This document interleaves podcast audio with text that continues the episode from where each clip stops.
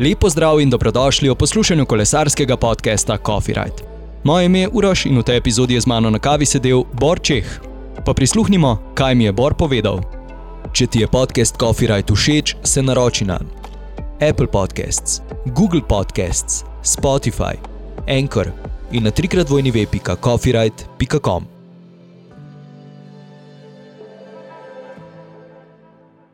Takole, danes v moji družbi Borčeh. Lepo zdrav. Živijo, lepo zdrav. Povej mi, Bor, kdo si, kaj počneš, oziroma kako bi samega sebe predstavil nekomu, ki Bora ne pozna.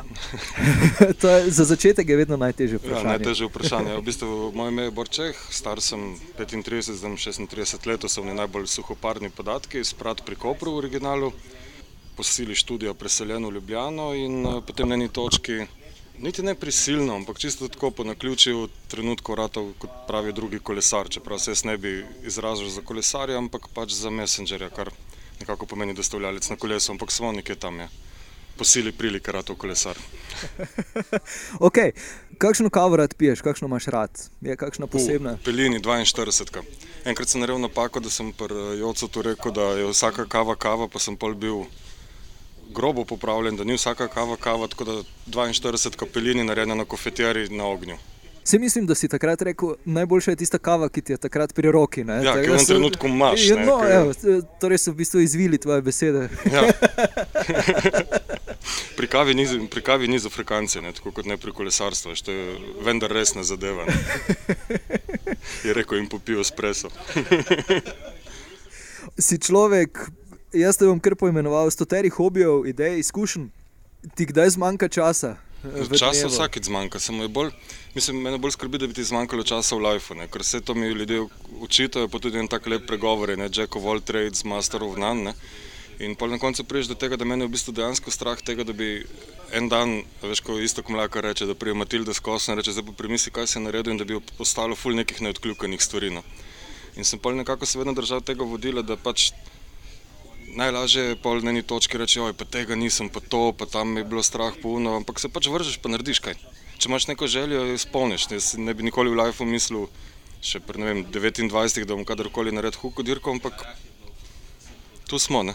Tako da, ja, pač tisočeri hobijev, zmanjkalo mi bo časa, po moje, zato, ker bo Matilda prej prišla, ampak le, večino, veliko večino tega, kar sem si želel, do zdaj sem naredil. No, tukaj smo. Tukaj smo.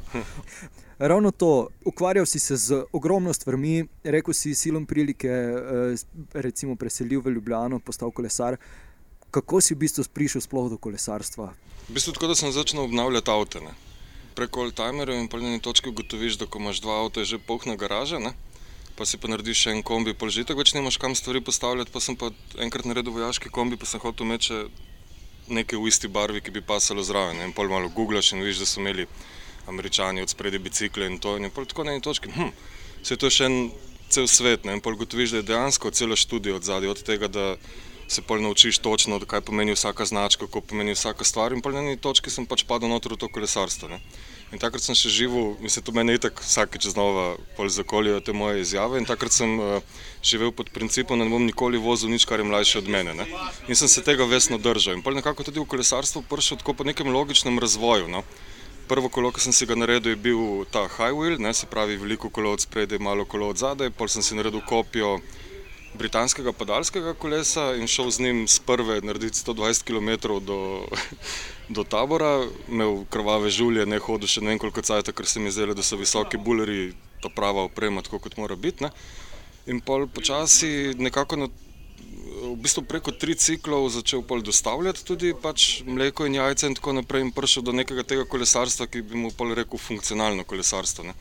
Ker nekako gotoviš, da je vem, 30 kg težek bajk iz leta 34 je ne, za vsak dan z njim delati rata malo problematičen. In pol sem pač padel noter v to messengerstvo preko piči biče in je naenkrat pač to rato del mojega lajfa. Tako da V bistvu sem, ko sem zdaj gledal nazaj, je šlo čisto tako logično, kot se je kolesarstvo razvijalo. No, pa spet nazaj. Veš, smo, če sem še vem, dve leti nazaj živel, sto let nazaj, sem pa zdaj nekje v 90-ih, tako pozna 90-ta. Messengerji pa to. Okay. Danes nazdravljava v bistvu na dve leti leti Vilija. Tako dve leti leti Vilija. Prva, mesen, prva res čisto, mislim ne 100%, ampak 90% uh, messengersko firmo v Ljubljani. Ne. Zdaj bi naredil krivico City Expressu, če bi rekel, da smo prvi, ki samo na kolesu dostavljamo, ker so oni že v 90-ih z mountain bike, ampak nekako smo po mojem edina res tista verodostojna, oziroma to, kar smo se naučili iz tujine, pol zdaj tudi živimo to. Ne.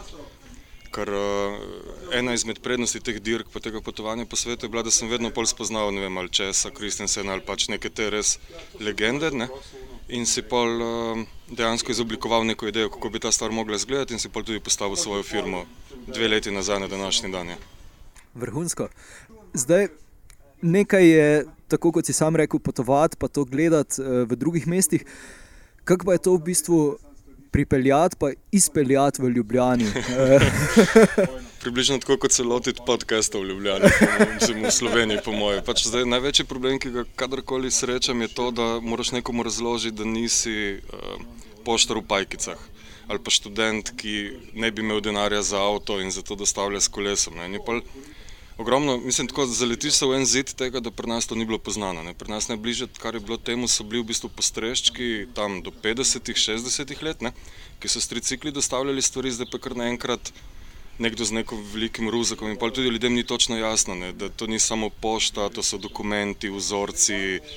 To je milijon enih stvari. Ne. In v bistvu, po mojem, da največji ta zid, v katerega se vsakeč znova zaletim, je to, da moraš razlagati, kaj si. Ne in da tudi, recimo, ko sneži zunaj, pol stranke nočejo naročiti. Tako, ne, mislim, jaz, če bi hotel, bi lahko, se tudi dostavljamo nekaj za avto, da razblinimo ta velik mit. Ne. Zato, ker eh, so pač zahteve take, pa ritem življenja je tak, da drugače ne moreš. Pa tudi nisem zagovornik tega, da vsi na kolesa, to vsakeč podarim. Ne.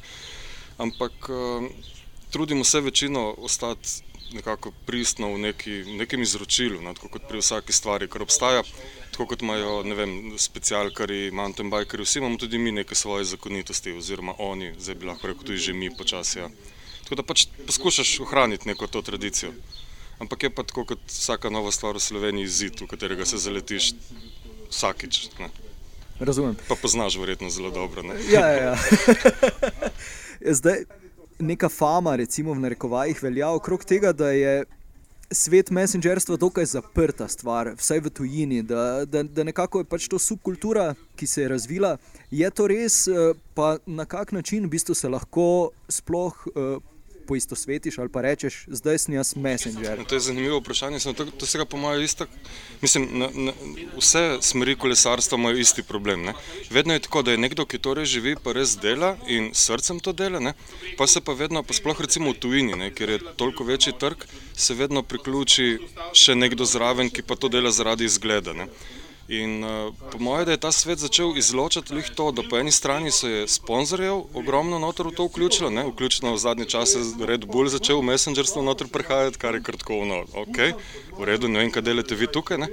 In uh, po mojem, da je najbolj to no, ta pristnost, ker smo vsi, tudi recimo Mov, ki je bil lansko leto pri meni od Kirin Berlin, ne? z Berlina en izmed najbolj legendarnih messengerjev, kadarkoli je isto rekel, da mu pač gre na živce, da je ratalo ogromno tega fejka, ogromno enega balasta. In pol na eni točki ugotoviš, da je. Mislim, tako fully smešno, recimo, če si na finale v, v Milano prišel, pol na tisti after party, je naenkrat zgledalo, kot da je Milano en sam messenger, pa da so vsi jih kar prišli šihta. Veš, in pol so tiste nafilane torbe s stvarmi, pa ljudje, ki resno zgledajo, kot da so jih kar uno in pol me tako eh, Bluetooth speaker na mesto uh, postaje. Veš, mislim, rata ena taka, mislim, se v tem ni slabega, ne, se valjda, vsaka kultura rabi tudi neke suporterje, da se širi. Ne. Sem jaz recimo isto ne maram ljudi, ki ne vozijo celo leto nič bicikla, polko se pa Franja začne blizati, ne. Imaš pa naenkrat hordo ljudi, veš, in to po mojem, da je čisto isto v vsaki tej smeri kolesarstva, da se pač izoblikuje nek fake svet ki je usporeden s tem. No. In, in po mojem, da je to, to, da mi smo res družina. Ne, recimo, Ko je, ja, Filaro, v zadnje je genialno. Ko je Mov recimo objavil, da išče uh, neko poslo, je bilo avtomatsko, ja, valjda, pri meni, ne? pa ga nisem poznal odprej. A veš, in pol je isti, isti koncept, je, ne vem, pri vseh teh stvareh je isti koncept, da nekako messengerji se smatrajo kot neka svetovna družina, ne? se pravi, ko enemu ukradajo kolo, objavimo vsi, da ga iščejo, pa se zbirajo, ne vem, zbira denar za nekoga, ki se je poškodoval, pa nima in, in to pa izoblikuje eno tako. Veš, ne vem, jaz objavim neke našitke, jih pol ljudje kupijo iz suporta, unma našitke, jih jaz kupim iz suporta in pol rata res ena taka družina. No? Prav res ena taka svetovna družina na koncu. Ravno na to se je navezovalo tudi moje naslednje vprašanje. In sicer, da je v bistvu, kot sem rekel že prej, ena subkultura, iz katere se potem razvijajo stvari, ki jih v bistvu potem, v, recimo, v, v širšo ali pa mainstream kulturo znamke. Pišajo, no, bom, ja. bom tako rekel, ne, to je tisti- da to je tisti fake. Inovat, recimo inovatorji z, z nekimi rešitvami, ki jih potem firme povzamejo in prodajo kot recimo svoje. Je mogoče Ja, to? ne, eh, sigurno je, valjda, mislim, kar je. Samo to je spet tako, veš, eh, v svetu specialkarstva, ko je lansko leto Rogli zmagal, so naenkrat vsi imeli te drese, ne? naenkrat so vsi imeli bjanke, zato ker pač eh, je to najbližje, kar prideš do tega. Ne? Se pravi, da se poistovetiš v smislu nekega dresa, nekega bajka, neke te stvari. In vsaka firma ima pa tudi svoje skavte, ki pa pol zavohajo to. Ne? Ker recimo, če se nanašamo na, na Red Hook Crit, ki je nastal v osnovi kot uh, dirka messengerjev, ne? je na eni točki. Jaz se spomnim še recimo prvo leto, ko sem bil, se pravi, ne vem kaj tega, š- ko sem bil star 30, ki ste me peljali Maja po Ožbi gledati to prvič. Ne? E, To, to so še ljudje dirkali tako iz ruzakov, veš, pa eni so imeli kombi in so jih vsi zaničevali, kao čineli ima pa svoj kombi, ki je bil malo poliman. Ne? Pa, pa če se spomnim, lansko leto finale so pa bili to avtobusi, veš, avtobusi servisni, in kot da si bil na neki DTM dirki ali nekaj tasga. In po mojem, da na eni točki pač zavohajo firme možnost priti zraven. Ne? Ker tudi kar naenkrat so vsi začeli fiksije delati. Recimo Čineli se je dvignil iz tik pred propada samo z Red Hookom, ne? ki so ga takrat začeli sponzorirati, pa razvili tri bajke, pa to. In, uh, valjda vsak nekaj zavoha in pa pride zraven. Ne samo se pa to tudi iz Fiži, ki recimo, ja ne vem, če to lahko rečem, ne pa se mi vseeno, ki ne govorijo slovensko, ampak recimo Chrome Industries je bila tudi ena taka prav posebljen ta problem. Ne? Da oni so začeli kot popolnoma messengerska firma, ki so ustanovili Messenger in so delili res v nulo čevlje, full dobre hlače, res taka oprema, ki z njo lahko delaš. Ne? Pa na eni točki je pa to ratalo sam še lepo zavideti. Ne? In zdaj recimo te čevlji, ki jih imam, imam dvoje in jih servisiram več, kot sem kadarkoli avto servisiral. Ne? Pa ko kupiš čevelj, piše, da ni primeren za to, da se ukvarjaš z njim z messengerstvom, ki je tako, aha, wow. Ne? A smo tako daleč prišli, se pravi, zdaj mi ti odsvetuješ, da delam to, za kar je bila ta stvar namenjena. Ne? In uh, mislim, ne, pol se tudi en kup balasta zraven zgodi, kot tudi to, ki imaš, uh, ne vem, ljudi, ki kupijo fikcije, pa ne poguglajo prej, kaj to je, ne, pol se tam vozijo od peti, brez brems, pa se lomijo, mislim, sej, jaz se tudi milijonkrat zlomim, samo pač vsaj toliko poguglaj prej, če te res nekaj zanima, ne delati nikoli nekaj zaradi poze, ampak malo se poglobi, no. Mislim, vse smo vsi padli prvič za SPD in valjda je težko, ne, sem še vedno je pa so neke zakonitosti, ki jih vsaka kultura oziroma vsaka smer kolesarstva ima. Ne? In se mi zdi kar kulturno, da se tega držiš, no? ali pa vsaj spoštljivo, če ne že kulturno, rekel tako. No? Veš, ali pa vsaj s prednjo bremzo si da je gor, neki nisi kul, cool, če si brez bremze, pač mona si, če si brez bremze, ki se boš razbil. Ne?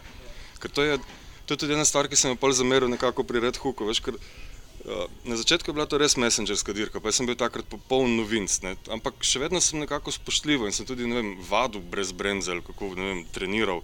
Ker se je pa zgodilo, da je prišel ta folk z bremzami, pa jih malo čravo dol, pol pa kar greš v to. Ne? In ok, si ful bolj streniran kolesar kot jaz, ne rečem, ne vem, od 15. leta voziš kolo, jaz sem ga začel pri 30. Ne? Sem, ko pa prije tam do nekega resnega problema, se boš ti pač razletel noter, mi bomo pa nekako odmotali. In zato je tudi ogromno teh legendarnih dirkačev tudi nehalo to dirkati, ki so rekli pač, lej, hitrost gre gor, nivo vožnje gre navzdol. In kaj, to je, to je pač formula za probleme ne? in to je tudi malo špekulacija, zakaj se je nehal Red Hook na nek način. Ne? Ker je ratalo prehitro. To, to so prišli noter bivši proji, ki so iskali naslove in to je šlo tako hitro, da smo vsi, vključno z vem, česom, pa temi resnimi fanti, smo kar malo gledali, pa bili tako, ne, to ni več. Ne. Posebej bil tudi tak, eh, ko je že bil Marko, ki je pol uh, zadnjič uh, v finalu čist razbil. Ne. Sam je pa spet tisto, ja, pač pripeljal si se kaj z bremzo gor, ne. mislim, sej vsaka čast, mislim, kapo dol, vse na tem svetu. Sam, Veš, vedno, vedno se mi zdi, da je nekako tudi neka higiena ohraniti to neko distanco do nečesa. Super, hočeš provat, valjda naredi kar če, samo. Uh, ne. Se delamo mi isto neumnosti, pa gremo s fiksijem dirkati, ne vem, svetovno prvenstvo v single speedu. Sam sem pač vedel, da bom do konca prišel. Ne. Zdaj, da se, Spet, spet se bom nekomu zameril, že vidim, nekaj tam mora. Joj. Zdaj, recimo, da se malenkost nazaj vrnemo. Eno vprašanje, kot totalen laik. Kje je prišlo do tiste točke, da, da so se poistovjetili z fiksi in ne recimo z, z kolesi na prestave? To, to izhaja čisto iz tega sveta, da recimo messengerstvo kot tako, oziroma ta mainstream messengerstvo, ki ga mi poznamo, izhaja iz Amerike. Ne? In Amerika ima to um, velodrom kulturo, v bistvu toliko bolj razvito kot mi, da je bil tam en kup velodrom koles. Ne? In pol messenger kultura je tudi nekako povezana s tem ko bi rekel, znano umazanostjo, pa brezbrižnostjo do svojega kolesa in tega. In to pač pomeni, da imaš zelo malo stvari, ki jih moraš vzdrževati. Ne? Se pravi, eno so ta kolesa ležala praktično tam od zadaj za velodromi, ki so jih metali v stran, drugo, edina stvar, za katero si mogel skrbeti, so gume, paketne. Ne? In um, razviješ en. To je fulj težko razložiti vedno človekom, ampak razviješ en drug stik s kolesom. Ne? Se pravi, ni več tistega, da je kolo nek pripomoček, ampak rata podaljšek tebe v bistvu, ker si upet noter, ker se drugače giblješ, je, je dinamika druga. Ne? Pa, pa še verjetno na eni točki ratelo to, kar kulka ali nekaj, ki si malo zaskidal, pa malo bil tam resno jezen, pa vsak te vprašal, kje imaš bremze, pa te stvari.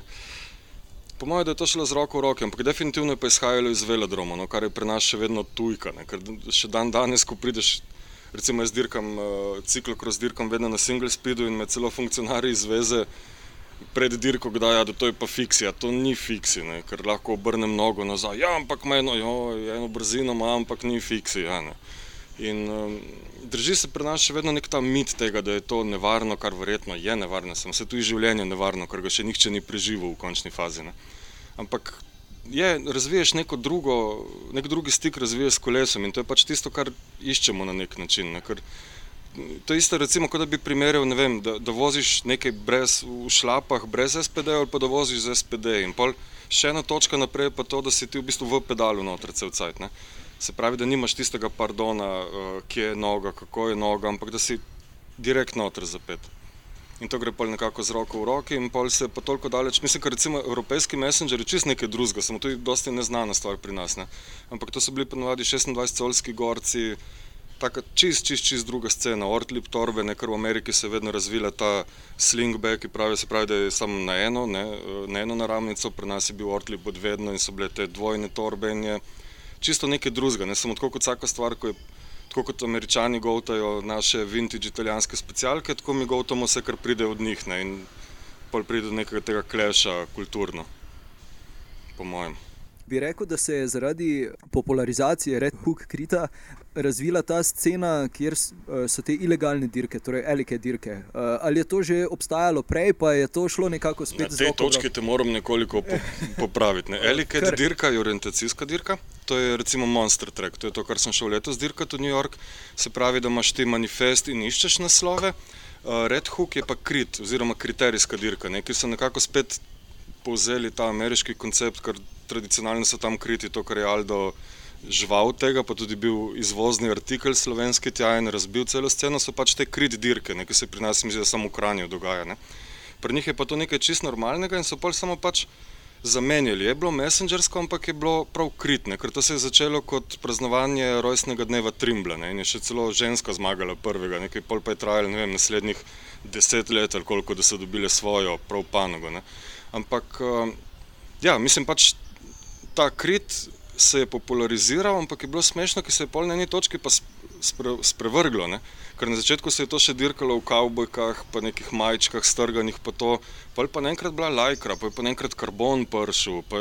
Tako se je formiral pravi svet, ki ko si ga pogledal na hitro, ga skoraj da ne bi mogel ločiti od nekega protura. Ker so se pol tudi začeli ekipe, ekipne taktike, pol so to začeli razbijati, pol je naenkrat pršil doping mislim, antidoping kontrola, kar je najbolj smešna stvar na celem svetu, ker če si gledal prve red hukrite, je bilo tako grozno zagledati dejansko v tem smislu, koliko se je konzumiralo tam čega, zdaj pa naenkrat, ne. Mislim, kar je prav po svoje verjetno, ne, ker se vsak šport ima neke svoje zakonitosti. Sam se mi zdi, da je pri vsakem tem športu, če vzameš tisti nek naravni razvoj ven, da pa mogoče tudi ubiješ malo nekega tega čara in to se je tudi red huku zgodilo, ne, ker je preraslo vse zmožnosti, kontrole, nadzora, vsega, ne, ker je rato v mali uci, je to rato, se je sankcioniralo rajderje, se je razbijalo time, so se postavljale neka pravila, ki smo se na trenutke kar malo spraševali, kaj je zdaj to, ampak le, pač razvoj. Ne?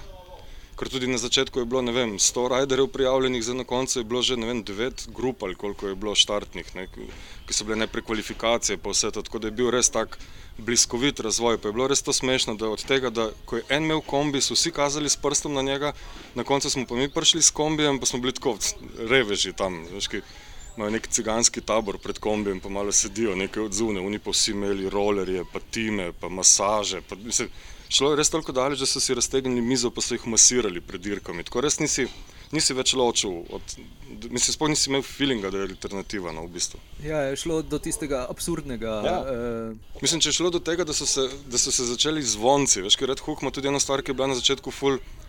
Kultna ali pa zanimivo, da so pač s temi zvonci navijali. Ne? To je bilo na začetku tako, si šel na dirko, si dobil zvonc, ki je bil prav od tiste. Zdaj, zadnje leto je pa bilo tako, da je prišla tam Meri z škatlo teh zvoncev in je folk trgal iz rok te zvonce in so se pol na eBayu prodali. Zdaj, če en na eBayu prodajal štiri zvonce z Red Hooka, ki je bilo tako, wow, kupiš še moje zraven, ne, mislim, ne razumem tega. No. Pač, vse rata na eni točki industrija, ne. tako kot rata kolesarstvo industrija, rata tudi to, ne. ker na začetku so bile to konverzije iz specialk, tudi dosti, ne. zdaj pa so to prav bajki, tako proper, karbon, ne vem, po par jurjev, ki si samo super. Omenil si, da je razlika tudi med fudi in messengerji. Ja, spet imamo nekaj žalov, že vidim. Ne boš nobenega žalov. Eh, mislim, jaz tako bom rekel, jaz sem začel kot fudi, valjda, ker druge možnosti ni bilo in ki mi je dala dobra, dobra vila, pizzerija mi je dala možnost, da sem tam začel oziroma da sem si tam postavil dobesedno fundamente za svojo firmo, tudi kasneje. Tako, sem začel kot food, ja, in jaz nimam nič proti foodijem, da poudarim. Jaz spoštujem vsega, karkoli te spravi na kolo, je za moje pojme super. Ampak ne maram pa zdaj tega udora, teh poceni dostav. Pa to spet, če, ti, če kdo dela za njih, pa se počuti užaljen zaradi čega koli rečem, se upravičujem javno. Ampak direktori teh firm včasih malo tako, grejo nekam na dopust, pa vidijo to in pa tako, a se pravi, za ful malo keša nekdo dostavlja. Ne? In pa je vedno na eni točki, kakorkoli mi zazvoni telefon in živijo, mi pa postavljamo to in to in ono, ne, spet če eno, ok. A bi ti šel na sestanek z nami, ja, lahko gremo na sestanek. In pol mene zgubijo na te točke, ko tretirajo kolo kot neko poceni orodje. Ne? In pa se pogovarjaš o stvarih, kot so uh, gume, ki so primerne za pozimi, pa se to ni avto. Ja, uh, je, ne? Na nek način nespoštovanje do kolesa samega ne, in do tega posla me mene pol pripelje do tega, da ja, to se deli ne, in posod po svetu se deli. Ki, če greš recimo v New York, to delajo vedno ne vem, neki priseljenci, neki marginalci, ki nimajo s kolesom nobene veze. Ne. Ponavadi je to samo zato, ker jim dajo pač tiste kitajski električni kolo vem, za, za 500 dolarjev in on ga povije z nekim čudnim trakom in ga vozi pol do nemoglosti. Sam to ni messengerstvo. Ne. Ker messengerstvo je tudi pač odnos do paketa, to je vedno podarjam. Veš, če si ti, ne vem, recimo Fudi, spet ne bom nobenega žalil, ampak ti, ti pade neka pica po tleh, je to, ne vem, 3 evre stroškov. In pokličeš v bazo, naredijo drugo pico in, in, in greš naprej. Ne? Stranka je malo jezna, ampak to je to. Ko si pa enkrat Messenger, pa delaš z resnimi dokumenti, z vzorci, z, z enim kupom enih stvari, ki so mogoče tudi komu življenjskega pomena. Ne? In imaš pa tudi eno drugo obvezo v končni fazi. Ne gre tukaj za nobeno degradiranje kogarkoli. Mislim, vsi, vsi nekje začnemo, vsi smo nekje bili, vsi delamo v okviru svojih zmožnosti. Same pa moti. Pravim to, kar tudi zdaj po svetu vedno bolj prepovedujejo, in to je ta izkoriščanje delovne sile. Ne? Ker jaz, jaz imam možnost imeti avto, jaz sem imel več avtomobilov kot pameti v življenju, ne? pa sem jih tudi več razbil kot ko čegarkoli drugega. Ampak pa se na neki točki zavestno za to odločiš. Ne? In to je po mojem tista stvar, ki nekako loči. Jaz nisem bil nikoli primoran ratati Messenger, ne? ker nekje po svetu je recimo Messenger znan kot kore slow life, pa navadi odvisen od spida, eh, ki se 14 dni ne tušira, neke te so stereotipi. Ne? Sam, meni se zdi res to pomembno, da je to neka tvoja zavestna odločitev, da je to nekaj, kar delaš rad, ne pa zato, ker moraš. Ne? Ker tam se pol začnejo ta kopija lomiti. Ker se pravim, jaz pozdravim Sazga, s tem problema z nobenjem. Zdaj te scene, ki gledamo po Ljubljani z nekim holanderjem, čist podrtim, malo kruzaš okoli s tisto kocko na hrbtu, to je meni tako meni narodno, da sem kadarkoli dostavljal hrano, zato ker sem to pač vzel resno, pa ni za da bi, o, jaz sem, jaz sem, ne? ampak je tako, meni neko spoštovanje, ne se v končni fazi, če, imaš, če bi imel dostavo z avtom, bi tudi avto vsaj registriran mogo biti, no, če ne drugo, veš, ni, vsak poklic, če ga ti zavestno in, in, in nekako dobro upravljaš, je časten, ne? Sam ne, ne se delati norca z tega, ne to imati nekaj z levo roko, ker ni to z levo roko, ne, ker pa to meče slabo luč na vse ali pa ta vožnja v kontrasmer. To je meni tako nepojmljivo, ker niti jih ne poučijo, kako zgleda pravila osnovna, da si na glavo čelado, ker delaš, ker te bo nekdo zbal, boš umrl človek božji. Na meni je čelada rešila life milijonkrat. Ne.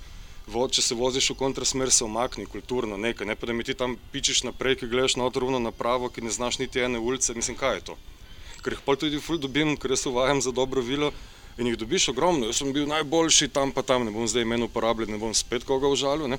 Jaz sem bil najhitrejši in mi tam kaže neke mesiče, ki mi pošiljajo, bravo, super si pa, pa tako, imaš štiri ulice v Šiški, a jih ne poznam. Ja. O čem se pa pol pogovarjamo? Ja, mi smo to gledali, ne. Lih to je ta razlika. Ne. Mislim, enkrat, ko si messenger, nimaš tako ena dostava, pick-up dostava, pick-up dostava, ampak jih imaš vmes štiri, vmes se ti res ne jebe zgodijo, prosti izrazu in jih moraš reševati. In zdaj, če greš ti ena dostava, pa ena dostava, in če spoh ne veš, kaj delaš, in če tam z nekim mamenjem, ukradenim holandarjem, ki nisi niti pogledal, če imaš polno gumo od zadaj, voziš to tako, da je no. Tako da bi vem, bil zdravnik, pa bi mal, se igral na igrice, ko smo se igrali kot otroci, ki se zasvetijo v rdeč nos, pa bi bil tako, jaz sem kirurg, ja, kaj sem delal, pa dvakrat sem dajal v kost noter, pa se mi ni zasvetil rdeč nos, veš. Ne gre to tako v lifeu. No sam si povedal, da je potrebna iznajdljivost. Kaj pa je še tisto, recimo? Trma. Trma. uh, ja, ok, tudi to. Recimo tista obvezna oprema, ki jo, ki jo ima Messenger. Torej, uh, ne vem, je, je kakšna takšna posebnost, na katero mogoče mi, ki tega ne poznamo, sploh ne pomislimo, pa je tebi, recimo, življenjskega pomena. Ja, samo zadostnost, pa trma. No. Mislim, trma zato, ker največji, um, ko bi rekel, največje, največja zmota, ki jo imajo ljudje ob tem, je, da oh, kako je pa tebi lepo, polje kašne lep dan je pa kolesariš. Ne samo kdaj pride dan, ko je pa ne vem, minus 15, pa sneži ne? in se ti še vedno odzune na cesti, tako da ja, trma, kar ti pol tudi v življenju dosti krat škodi, ker rataš pol trma stoji na drugih področjih ali pa rataš mona v očeh drugih, kakorkoli. Uh, se mi zdi, da to pa, pač ta samozadostnost, ne? ker ko imaš enkrat neko nujno stvar, pa ti poči guma, pri nas ne obstaja tega, da o, zdaj bom pa to izpeljal na servis, pa bo serviser poštimo poprijem čez en teden dvigant. Ne. Tukaj je pač to, da moraš na cesti zamenjati in v 15 minutah to je lahko, ne vem, za eno nujno storitev je to že ena četrtina cajta, ki ga imaš tako rekoč. Ne. Se pravi, moraš na hitro zamenjati gumo, pa iti naprej ali pa se znajti ali karkoli. Ne. Tako da po mojem, da je res ta neka pa imaš te neke gadžete, pa orodje, pa to, pa uno. In se mi zdi, da je to pol tisto, kar dejansko izoblikuje dobrega messengerja od slabega. Niti ne to, da si najhitrejši na cesti, pa da največ neumnosti narediš, ampak da varno v, koli, v katerih koli razmerah, pa ob katerih koli pripetljaju ti stvar pripelješ na cilj. Po mojem, da je to to. No? E, zdaj, popravim me, če bom napačno izgovoril, ampak. Ko sem spremljal tvoje objave, eh, si. Eh, deset tavžen objav pa je okanje o stvareh, kot jim ljudje pravijo. Ja. No, povej. Imaš eh, surly, Srlja. Ja. Srlja. Torej, je tudi pomembna izbira okvirja, ki v tem tvojem primeru sploh ni uh, ne karbonsko, ne aluminij, tudi ne, če se ne motim. Ne, ne, ne, to je prav železo, to je prav železo. Prav uh, je kakšno ozadje za tem, uh, mislim, namreč ne jokaš, da bi bil slab ukvir, ampak ga vedno pohvališ. No, tak, no, ne, vedno ga pohvališ. To je edina stvar, edina stvar razen ko se zaletim vsakeč. Samo je tako, pač, po mojem, da po eni strani ta primordialnost tega uh, fix gear sveta, ker, si, ker imaš samo eno stvar, ki je res pomembna, ali pa dve stvari, ki so res pomembne. Ne? Je po mojem to, kar je mene pripeljalo tudi do tega, da sem res Ibr navdušen, srli, pa zato tudi vedno zagovarjam del tega, da ko začneš nekaj objavljati na Instagramu, je, da imaš milijone njih vprašanj, kje je pa najboljši ukvir. Ne? In za me je to vedno s tem rollerjem, jaz bom za tem stal, ma do konca life bom za tem stal. No, ker je res zanesljiv, je vsakeč ga lahko popravim, karkoli se mu zgodi. Tako, res, res smo imeli. Nekak, ne vem, mi dva imamo neko skupno življenje, že po mojem, ki je najdaljša zveza, verjetno v mojem lifeu ali nekaj. In ne vem, pred 40 na uro sem preletel v Milano, notor v zid in sem ga pol naglihal in, in smo še vedno skupaj. No, tako da je malo tudi tega, da ima vsak uh, nek tak kulten kolo, ki je res samo njegov. Ne? In uh, za me bo to vedno ostal srli. Ne? Zato tudi zdaj, ko se nekako končno srli pojavljajo v Sloveniji, tudi z nekimi novimi projekti, bom jaz vedno ostal od zadaj za srljem. In po mojem, da je res, da si toliko časa s tem kolesom tam in toliko časa na tem kolesu, da izoblikuješ neko svoje mnenje o tem in je pol to tisti kolo tvoje izbire. Ne? Ker uh, ne vem, to je kot da bi cel dan na nekem konju vse dogor. Veš, da se pol, imaš tudi ljudi, ki gledajo te svoje konje in ta konj in so pol žalostni, ko ta konj umre ali pa gre v burger ali nekaj, ne vem. Pač razviješ nek ta poseben odnos, ne, se mogoče malo bolan na trenutke, ampak lej, tako je, ne. Pač odvisen si ti od njega in on od tebe na nek način in Srli je pač edina stvar, ki me še ni nekako pustila na cedilu, no. Naslednje vprašanje mislim, da ti bo zelo zanimivo. In sicer, srli te ne bo pustil na cedilu, kdaj pa, oziroma dokdaj pa meniš, da boš lahko sploh upravljal to delo? Pet let še. Jaz sem, ne, jaz sem se dal zavestno, sem se dal pet let. Pet let bom to še vsak dan upravljal, pol je pa že, uh, tudi jaz sem že malo strno. Tako, po pravici povedano, in sem si pol na eni točki mogel postaviti neko mejo. Ne? In ta meja je bila pri meni 40 in to je to. Ne? Ker uh, imam tudi pol naprej zelo izdelano idejo, kaj bom delal ne, in z Mihem na robidišču in z mojo pekarno v rezi in vsemi temi milijoni demi, ki bom jih imel. In uh, utrujen rataš na eni točki, no, ker to, to res zahteva celega človeka. Ne, in pol pač tudi leta zahtevajo svoje, nekaj kolikorkoli se delamo utvarja, da nas pa ne more nič, ne te na eni točki dohitiči, ne drugočasno. Tako da. Nekako moja meja je 40, ne bom pa nikoli čist pustil ceste, to sigurno ne. Vedno ali bom po zimi, ali bo tistih par dni, ko bom to delal, bo vedno ostalo pač povezanih s cesto, ker imamo neko ljubezensko sovražno razmerje z njo. No. Okay. Najbrž, oziroma upam, sklepam, da jih je bilo kar nekaj.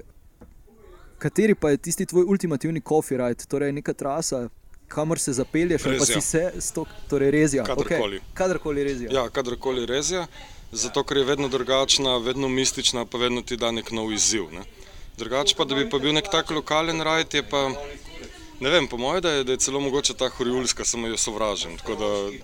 Sračja dolina, po mojem, kot ta naša domača dirka Treklokrosa, ki je tudi ena zanimiva stvar, ki jo razvijamo, pa rezija kadarkoli, to bo ostalo zavedno. In zdaj sploh, ki se nekako na robidišče malo fokusiram, pa tudi bomo poleti marsikaj tam delali, ne? mi je pa ta nadiža zelo všeč. Tako da po mojem, da med temi tremi se bi zelo težko odločil. No. Predno zaključiva, kaj bi bila ena tvoja misel ali pa na svet ali pa karkoli, v bistvu, kar ti pade na pamet za poslušalce, kaj bi jim sporočil? In da vedno boste to, kar ste. In pač karkoli vas pravi na kolo je super, ali je to elektrika, ali je to nekaj, karkoli pač gibljite se, ker meni je to rešilo marsikesa v življenju, marsikaterih tudi neumnosti, ki sem jih počel, tako da se mi zdi, da je to res nek odgovor. No. Ampak nič ne delati zato, ker bi bila poza, vedno zato, ker mora biti. No. Bor, najlepša ti hvala. Hvala tebi. Boru še enkrat najlepša hvala, da si vzel čas za kavico in pogovor. Mi se ponovno slišimo prihodnji petek. Če ti je podcast Coffee Right všeč, se naroči na Apple Podcasts, Google Podcasts, Spotify. Anchor in na trikrat vojni web.coffeeright.com.